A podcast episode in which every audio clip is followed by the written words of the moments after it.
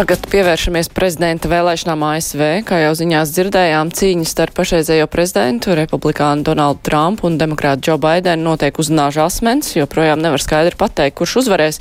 Ir svarīgi arī iepriekšējā balsošana, kurā piedalījās ļoti daudz vēlētāju un tiek lēsts, ka tie ir Baidena atbalstītāji, jo iepriekšējā balsošana tik aktīva bija pandēmijas dēļ. Kopā ar mums ir Latvijas Universitātes profesora politoloģa Žaneto Zoliņa. Labdien! Labdien! Un arī ārpolitikas pētnieks Mārtiņš Kiršs. Labdien! Sveiki. Jā, mēs jau ziņās dzirdējām, tagad tiek gaidītas dažu svārstīgo štatu balsis. Pensilvānija, Mičigana, Viskonsīna, tur 46 balsis tiek gaidītas. Tomēr balsošana pa pastu arī acīm redzot daudz noteiks. Kas tagad īsti ir jāgaida, lai mēs zinātu, kuram tad īsti ir pārsvars - Baidenam vai Trumpam?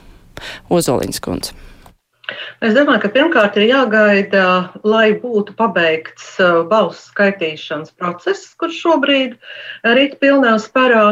Uh, un ir jāskatās, kāds būs tas gala rezultāts. Ja uh, Baidena vai Trumpa iegūto nepieciešamo elektoru skaits būs pārliecinošs, tad iespējams iestāsies salīdzinošs miers un varētu cerēt, ka varas pārēj no viena nu, šajā gadījumā no Trumpa pie Baidena, notiktu miermīlīgi. Savukārt, ja tas balsu sadalījums, elektoru sadalījums būs ārkārtīgi līdzīgs, tad tādā gadījumā būtu arī iespējams paredzēt kādas sadursmes, tiesu darbus iespējams. Uh, nu, ir grūti, protams, prognozēt, bet jebkurā gadījumā es domāju, ir iespējams šie divi scenāriji, kas būtu tāds miermīlīgākais pie viena kandidāta pārliecinoša pārsvara, un savukārt, ja ir tas līdzsvarot, ļoti līdzīgais balsojums, tad te varētu būt visdažādākās um, peripētīs.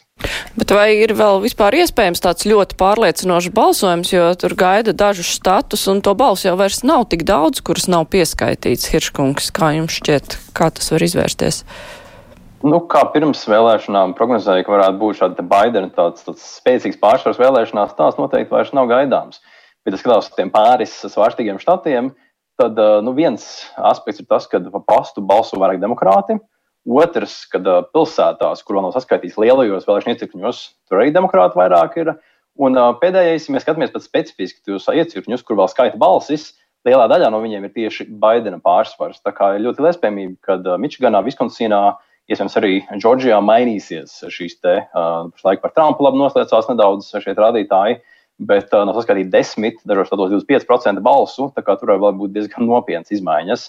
Un, nu, tieši kā kolēģi teica, kad mēs varam redzēt arī Baidena, nu, tad arī pārliecinošāku uzvaru. Tad tas ir tieši tā, ja ir 270 balsis, šīs elektoru balsis Baidenam vai arī Trumpam, nu, tad gan var redzēt kaut kādus potenciālus cīņas par nu, gan tiesas procesos, gan arī vienkārši tā teikt, politiskās perpētīs ASV. Bet, jebkurā gadījumā, pat ja Baidens uzvar, nu, diezgan droši, ka Trumps teiks, ka ir bijuši krāpšanās, viņš jau tagad to saka, ka mēģinās attēlot sevi kā nu, teiksim, zaudētāju, bet nelikumīgās, neleģitīmās vēlēšanās. Lai varētu nākamos četrus gadus pārmest demokrātiem, kad īsti viņi jau neuzvarēja nemaz. Un tāda laba tāda politiskā platforma, uz kuras būvēt tālāk, kā sakāve, bet nu, var kritizēt pretiniekus. Bet vēl par procesu runājot, balsošana pa pastu, tīri tehniski tās balsis tiek jau skaitītas kopā, ir štati, kur jau tas ir pieskaitīts, vai tas pēc tam tikai nāks? Tās balsis tika atstāts uz beigām, vai, vai mēs vai jau varam secināt, nu cik daudz nāks balss Baidenam, Hirškungs, ja jūs zināt? Nu, pār, tas notiek paralēli. Paralēli tiek skaitīts gan šīs te, nu, lielās dienām nodotās, gan arī atsevišķos štatos. Uh, Bet tas ir no štatu uz štatu. Tas ir no štatu štatu, kā, kā ir šī sistēma. Ir valstis, ir, ir pavalstis, kurās eh, šī skaitīšana var ilgt līdz pat piekdienai. Ir pavalstis, kurās nu, lielam, ir jāiedod ja, šī, te, šī te, um, pasta balsošana, bija jāsņem līdz, šo, nu, līdz palam, vakardienai ASV. Un uh, visas balss ienāk pēc vakardienas, neskaitās. Tas ir no štatu uz štatu šī sistēma, bet skaita paralēli. Un uh, nu, tie rezultāti arī, nu, kā kurā štatā ir štati, uh, kur konkrēti iecirkņi jau ir pateikuši, ka viņi pārtrauc skaitīšanu līdz nākamajam rītam. Jo ir jau tagad ASV 3, 4, no, 4 viņi paziņoja, ka viņi pārtos šo skaitīšanu līdz nākamajam rītam. Ir štati, kas skaita visu nakti. Tā kā tas ir ļoti atkarīgs no štata, un nu, tagad noteikti vēl tuvākās stundas nezināsim. Uz vakar pusi ir daudz lielāka iespējamība, ka mēs zināsim, jau, kurš ir uzvarējis vēlēšanās. Bet tikpat labi tas var arī vilkties līdz nedēļas beigām. Um, Donalds Trumps jau ir teicis, ka viņš vērsīsies tiesā apstrīdot vēlēšanu rezultātus, jo viņš nav apmierināts ar šiem te 99 miljoniem cilvēku, kas ir balss, kas ir nodots pa pastu. Uh, bet viņam ir pamats vispār vērsties tiesā, vai ir kaut kāda cerības, ka tiesa uh, viņa piekritīs, ka notikusi vilšana, vil, viltošana Ozoliņas kundze? Es domāju, ka šis uh, Trumpa īsais citāts ir izrauts no konteksta uh, un šobrīd no mēdījiem, no mēdīju uz mēdīju tiek tiražēts. Ja paklausās um, Trumpa izteikumus tādā ilgākā laika griezumā un arī kontekstā, tad uh, patiesībā tas vēstījums jau ir ļoti jauks. Tas ir tipiski Trumpa stilā, ka viņš dažos teikumos saliek visu kaut ko iekšā Un tad, savukārt, atkarībā no tā, kāda ir tā vajadzība, tad viņš to tekstu var piedzīt uz vienu vai uz otru pusi. Tas stāsts par to vēršanos tiesā, nu, padomājiet, ja mēs tagad nu, pieņemam vienu no scenārijiem, ka uzvar, uzvar Donalds Trumps, tad ir jautājums, pret kuru tad viņš tajā tiesā vērsīsies. Ja? Otrakārt, tas viņa teikums bija saistīts ar to, ka viņš spekulēja uz dažādiem sabiedriskās domas aptaujas rezultātiem, spekulēja uz atsevišķu uh, gubernatoru izteiktiem pieņēmumiem, ka viņu štatos, piemēram, tik un tik procentu iedzīvotāju nevis uh, tās balss, kas aiziet elektoram, bet iedzīvotāji ja, uh, ir atdevuši viņam tik un tik procentus. Un šajā sakarā viņam bija diezgan labs arguments, jo uh, absolūtais, nu, teiksim, tas populārais balsojums, kur iedzīvotāji balso, atdod savu preferenci vienam vai otram politiskam līderim, viņš tur tiešām ir saņēmis nu, tādu pārliecinošu uzvaru. Un, teiksim, tajā iepriekšējā reizē, kad Klintonai bija vairāk un viņam mazāk, viņš kaut kā tiesā nevērsās un par to jautājumu vispār nediskutēja. Savukārt tagad viņš to ieliek tādā mērcē, nu kā tā par mani cilvēki atdod savas balsis, Bet tad, tad pēkšņi parādās vēl viens, kā viņš saka, mazas grupiņas kandidāts, un tā mazā grupiņa tagad grib to varu sagrābt. Ja? Tā kā principā viņš drīzāk sev gatavo augsni gadījumā, ja, nu tad viņš jau to ir teicis un viņš arī darbosies. Ja? Bet te ir jāskatās, ka viņam tiešām tie teksti uh, nu, pēc, pēc mūsu laika naktī un, un, un savukārt Amerikā dienā un arī vēlā vakarā, viņam viņi diezgan mainījās atkarībā no tā, kāds uz to brīdi bija tas balsu satelīts. Hirškungs. Jā, var piekrist, ka tā ir tāda, nu, tāda stratēģija. Pat ja viņš zaudēja, viņam jau ir atruna, ka nebija godīgas vēlēšanas. Viņš jau to mēnešiem runājis, ka nebūs godīgi, varbūt krāpšanās. Tie pašā laikā viņš un viņa kampaņa aicināja republikāņu vēlētājus balsot pa pastu. Nu, tā pretruna, kad saki, ka pa pastu balsot būs problēmas, bet balsojiet visi pa pastu jūs arī. Uh, nu, tas ir klasisks Trumpam teikt pilnīgi pretrunīgas lietas, pat viena teikuma uh, gaitā. Uh, tas, uh, ka nu, nebūtu nekādu, uh, tiksim, nu, tiksim, nu, tiksim, tas lielais risks ir, kad Trumps paziņo saviem tuvākajiem sekotājiem, nu, tur ir visādi dīvaini, gan jau nacisti, gan cilvēks ar ieročiem. Viņš pasaka, ka vēlēšana nozagtas ir, un tad viņi sāk ņemt lietas savās rokās, ne par velti. Vašingtonā un citos pilsētās ir būvētas milzīgas barikādes ap mājām. Nu, ja nu kaut kas notiek, tas risks ir, ka Trumps paziņo, ka rekurors teica, kas uz priekšā, jūs redzējāt, kas uz priekšā, un nu, pēkšņi kaut kas maģisks ir noticis. Un, un tā, jo tas, ko viņš teica šajā savā uzrunā naktas vidū, ir, ka, ja mēs skatāmies uz statiem. Es uzvaru pašlaik, es domāju, ka es uzvaru, es esmu visur priekšā. Nu, ka varbūt kaut kas notika, kaut kādas mistiskas balsis tiks izvilktas ārā. Bet nu, tā ir leģitīma balsis, kas tiek skaitītas, vēlētāji nodotas, bet kaut kādas parādīsies pēkšņi kaut kādas pārmaiņas, nezināmas. Bet principā viņam ir e, kaut kāds pamats uzskatīt, ka tur ir kaut kas viltots. Nu, ja viņš, nu, pieņemsim, ka tiešām vēršas tiesā, tur ir e, iespēja jebkādu uzvarēt, apstrīdēt to. Nu, mēs par šīm vēlēšanām, protams, nezinām, bet, ja skatāmies uz pagātni, ne 17. gadā, ne iepriekš, ir bijuši ārkārtīgi reti gadījumi, kur kaut kāda krāpniecība vai valsts kā, nu, noklīst kaut kur nu, ļoti, ļoti mazs procents, 0,0 nu, kaut kas katrās vēlēšanās.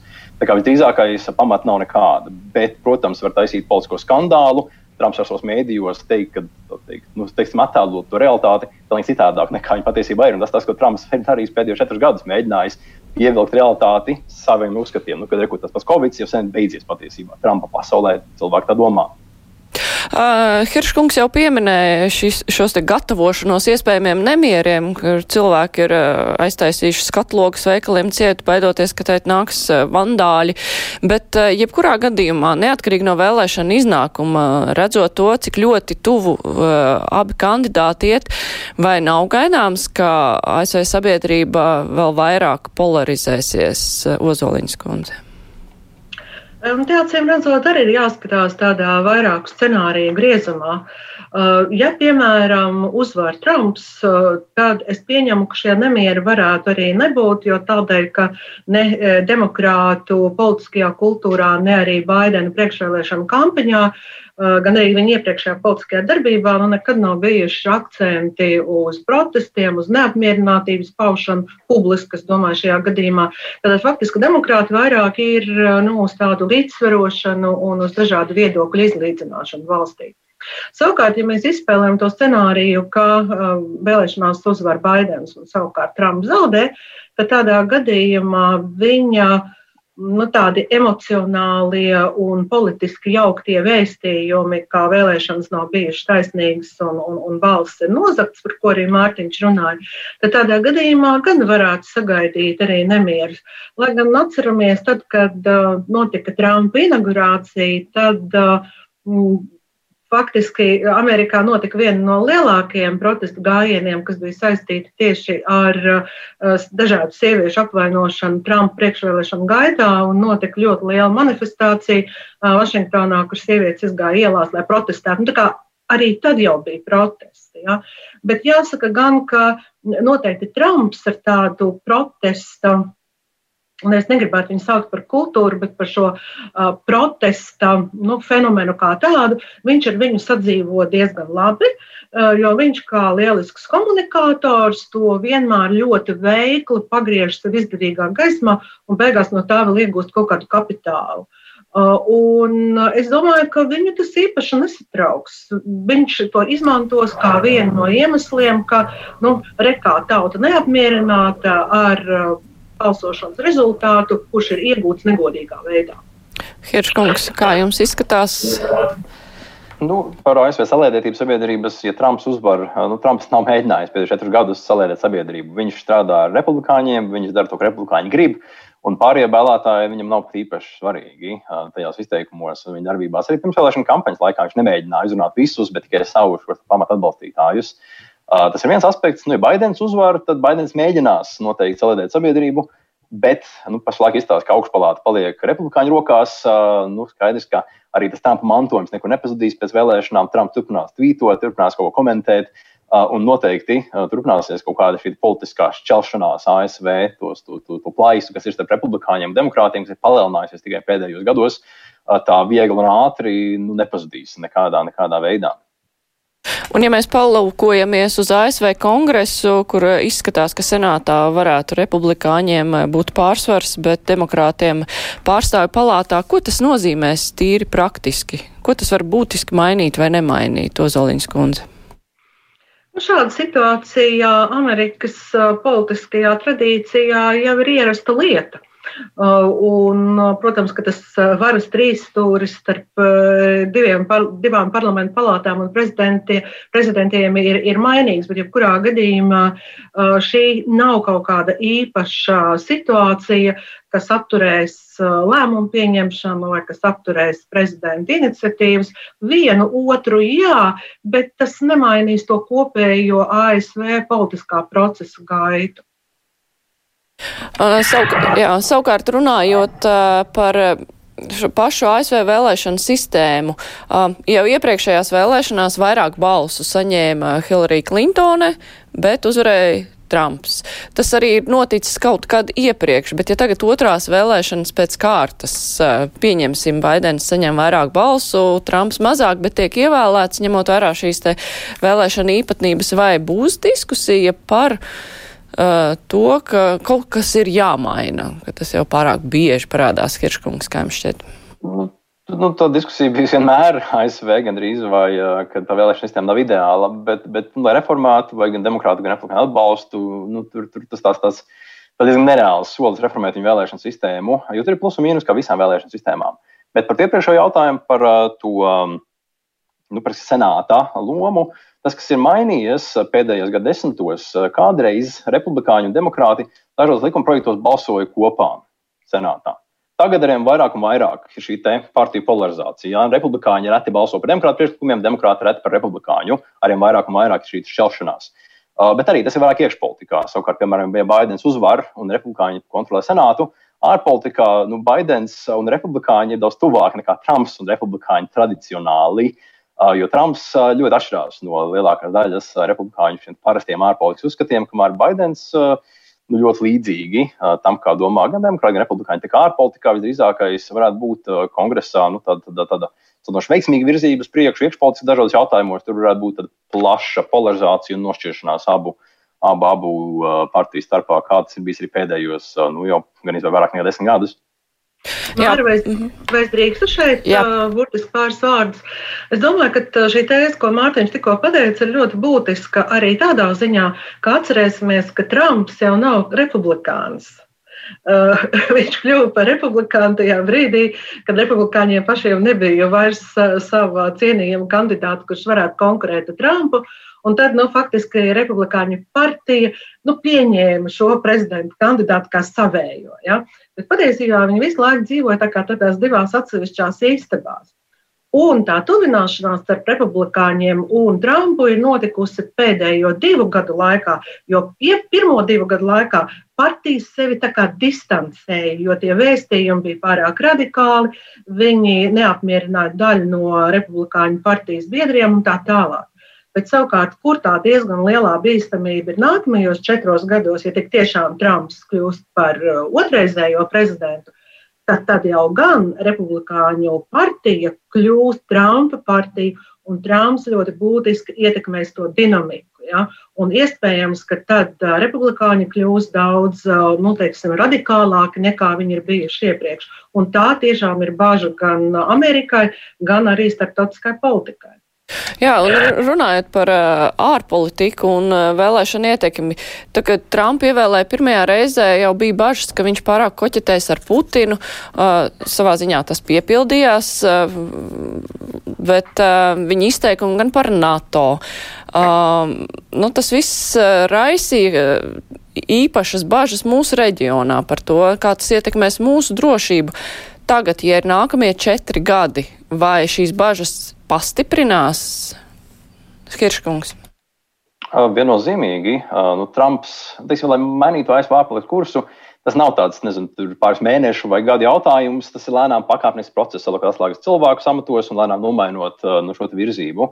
Un viens piemērs, nu, tagad līdz šim ASV vēstniecības visur pasaulē var atbalstīt dažādas pasākumus, nu, arī Latvijā tur kaut kāda pretkorupcija, kaut kāda kultūra un vēl uz kaut ko. Tagad vēstniecība drīkst atbalstīt pasākumus, ja tie ir tikai tieši saistīti ar ASV, kāds ASV runātājs vai kaut kas par Ameriku. Tā, nu, kad ir pakāpeniski šie šādi te, reāli tāda, tāda praktiska pārmaiņa ASV ārpolitikā, kad viss, ko viņi atbalsta, saistīts ar ASV tikai un vienīgi, jo Amerika ir pirmā. Un par plašāku skatījumu viennozīmīgi, nu, kad pirmos divus gadus Trumpa, nu, šeit gan ārlietu ministrs, aizsardzības ministrs, bija cilvēki, kuriem teica nē. Bet arī vairāk un vairāk Trumps atslēgas amatos saliek cilvēkus, kas viņam lojāli un kur viņam nesaka nē. Viņš arī vairāk vairāk īsteno gan iekšpolitikā, gan ārpolitikā to kursu, kādu viņš uzskata par pareizu. Nu, nekādas fundamentālas pārmaiņas, tur NATO pamešana vai kaut kas tāds, visdrīzākais, ka nē. Bet teiksim, tādā, tādā, tādā, tādā impulsīvākā uh, Trumpa iegribām vēlmēm izrietoša ārpolitika noteikti. Jo, piemēram, par pašu Sīriju Trumps atkārtot teica, valk mārā spēkus, aizsardzības ministrs Matis pateica, nē, nevalkam pirmās divas reizes, nu trešajā vairs nē. Tā kā lēnām Trumps sāk arī savu ārpolitiku veidot ar vairāk un vairāk dažādos jautājumos. Kas tad ir trakākais, kas mūs var sagaidīt, Ozoliņas kundze? Ja mēs zīmējam sliktos scenārijus. Es pat negribu, negribu prognozēt to trakāko, jo tas trakākais būtu tik traks, ka, ka Latvijai uh, vispār jāsaka, nu, tās. Uh, NATO, NATO dalība un Eiropas Savienības dalība kļūtu varbūt nu, tāda vairāk figurāla nekā reāla, bet nu, to es nemaz negribu pieminēt. Bet, eh, jā, tik tiešām es domāju, ja Trumps eh, iegūs mandātu nākamajiem četriem gadiem, eh, tad tajās, tajos politiskajos laukos, kur viņš tikai taustījās, viņš varēs tā diezgan lieliem soļiem virzīties uz priekšu. Un arī bažas man rada tas, ka tomēr visās iepriekšējās prezidentūrās gan valsts departamentam, gan arī Pentagonam bija tāds ļoti skaļš un, un, un uz ekspertu viedokļiem balstīts vārds. Savukārt Trumps patiesībā šo patstāvīgo un ekspertīzē balstīto viedokli, kas nāk no šīm divām ļoti būtiskajām institūcijām, diezgan bieži un pat lielākoties ir ignorējis. Kādreiz varbūt tas ir izdevies, kādreiz nē. Bet, nu, diemžēl ASV ārpolitika varētu arvien vairāk koncentrēties tikai un vienīgi Trumpa rokās, kas mums noteikti nenāktu par labu.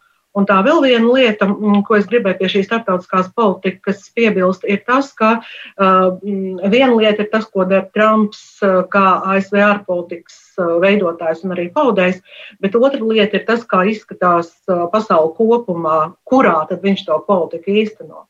Un tad, kad viņš eh, sāka savu mm, termiņu pirms četriem gadiem, eh, tad eh, pasaules politika, starptautiskā politika balstījās uz starptautiskām tiesībām, uz, uz starptautiskām normām. Starptautiskām organizācijām bija ļoti liela ietekme, tika veidot starptautiskie līgumi un tā tālāk.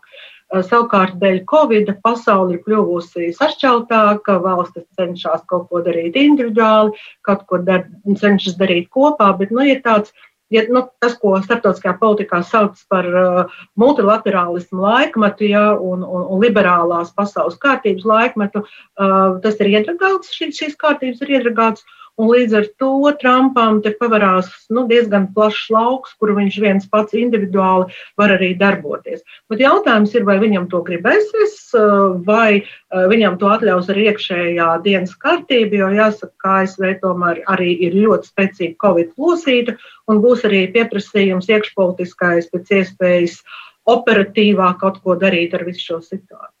Tā kā jā, sarīt. Jā, bet ja mēs skatāmies uz Trumpa ārpolitiskajiem mērķiem, tad tas viņa mērķis ir tā kā Amerika viena pati galvenā, jo, nu, atteikties tā kā no tik ciešas sadarbības ar sabiedrotajiem. Ko īsti, kāds tas ir, tas viņa vēstījums, Hirškungs?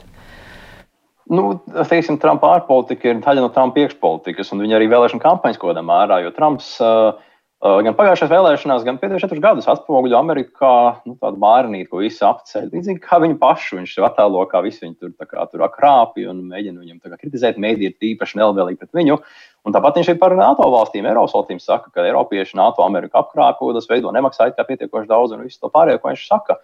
Un uh, nu, mēģina ar šādu te, uh, nu, bravūru, ar tādu, nu, esi ar mani vai esi pret mani, ar tādām pavēlēm, likt sabiedrotiem kaut ko darīt. Bet nu, tu nevari runāt ar lielu valstu, ar Francijas, Vācijas, Lielbritānijas vadītājiem, nu, ar pavēlēm, caur uh, komandām un norādēm. Nu, tas, kā strādā diplomātija, ir, ja mēs visi kopā sanākam mēģinam vienoties, pieņemt kaut kādu lēmumu, kas izdevīgs ir visiem.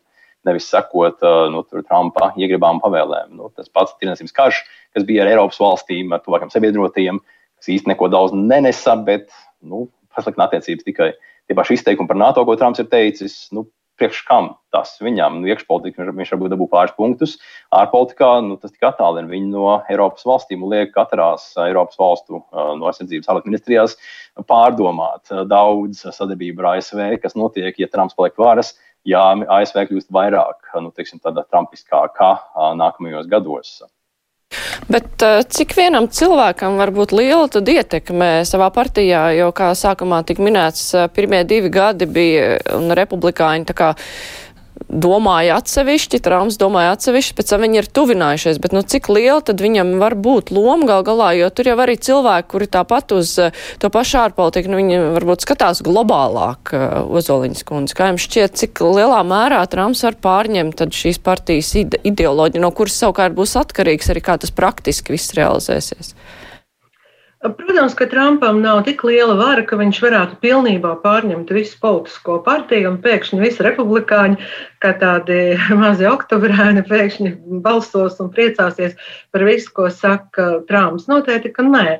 Būs arī opozīcija, bet redzat, ir lieta tā, ka, nu, kā jau katrā politiskā partijā veidojās nu, dažādi līmeņi cilvēki. Ir ierindas biedri, ja, tad ir, nu, piemēram, tie biedri, kas vairāk darbojās savās pavalstīs. Un tad ir nu, tāda politiskā elite, tie, kas tiešām veido dienas kārtību, tie, kas veido lēmumus. Un uh, gan objektīvu, gan subjektīvu iemeslu dēļ, un tāpēc, ka šī politiskā elite arī noveco, tāpēc, ka viņām, viņ, viņai arī ir kaut kādas vērtības, kuras viņi nevar pieņemt. Ir tā, ka tie ietekmīgākie, bieži vien šie politiskās elites pārstāvji, viņi pamet partiju, jo viņi pensionējās, jo, jo, jo viņi nepieņem Trumpu. Un tad savukārt ir tā dabīgā vecuma un arī paudžu nomaiņa un kas savukārt paver iespēju Trumpam daudz vairāk ar to politisko partiju manipulēt. Šeit nav runa par tādu vienbalsību, ja, bet šeit ir runa par to, ka viņam ir vairāk iespējas manipulēt un rīkoties ar dažādiem grupējumiem, kas ir uh, Republikāņu partijā. Un kas varētu kļūt arī vājāk. Es nesaku, ka tā būs, ja, bet, ja mēs mēģinām ekstrapolēt to situāciju pēc vēlēšanām, tad faktiski, ja Baidens un demokrāti tā ir viena komanda, tad Trumps un republikāņi Viņi nu, varētu teikt, ka viņi ir tajā komandas sākuma punktā, bet mēs īsti nezinām, kā tā komanda darbosies. Mums ir faktiski minūte tikai palikusi. Kā izskatās pēc iepriekšējām vēlēšanām? Tur bija arī izmeklēšanas un apsūdzības saistībā ar Krievijas iejaukšanos vēlēšanās. Šajās arī tāpat problēma var būt. Hirškungs. Par Krievijas, par Krievijas iejaukšanos nekas vēl nav manīts, to nevar prognozēt, bet uh, izmeklēšanas varētu būt par Trumpu vairākas. Jau ir pat labāk par nodokļu nemaksāšanu, par to, ka Trumps prasa Ukrainai palīdzēt vēlēšanās, arī nelegāli ir par šo pašu Krievijas iejaukšanos, uh, nu, arī tur mēģināt demokrāti celt uz augšu. Bet tā Baidena stāsts ir tāds, ka nu, kā, viņš neizmeklēs Trumpu, viņš ļaus iestādēm, valsts iestādēm pašām lemt, vai vajag vai nevajag. Nevis tā kā Trumps, kurš saka, es tur metīšu cietumos visus savus oponentus, kritiķus pavēlēšu, visām ministrijām strādāt manā labā un cīnīties ar maniem oponentiem. Tādā ziņā nav nekāda tur baigot, tur, tur, tur, tur fundamentālu. Nu, tiksim, Baidens būtu tā, tā, tā kā demokrātijā ir jābūt. Par to pašu Krieviju viens ātrs komentārs vēl. Tas, ko Trumps ir mainījis, republikāņi, kuri izteikti ir pret Krieviju bijuši vēsturiski, Trumpa laikā no 20% saka, ka Krievija ir forša draudzīga, uz 50% gandrīz saka, ka Krievija ir draugs ASV. Tā kā Trumps ietekmē, ko republikāņi domā, Uh, diezgan, diezgan, diezgan izteikti. Jā, tas ir interesants un svarīgs aspekts. Uh, bet, nu, jā, laiks mums ir beidzies, mums teikt ir jāgaida, kad tiks saskaitītas balss. Tā kā turpmākās dienas noteikti būs ļoti interesanti. Saku paldies, Žaneta Ozoliņa, Latvijas universitātes profesori, Mārtiņš Hiršs, ārpolitikas pētnieks. Tagad būs ziņas, bet pēc tam mūsu studijā būs veselības ministra Ilza Viņķela, un tad runāsim par jautājumiem, kas saistās ar Covid-19. Klausieties ziņas! Paldies!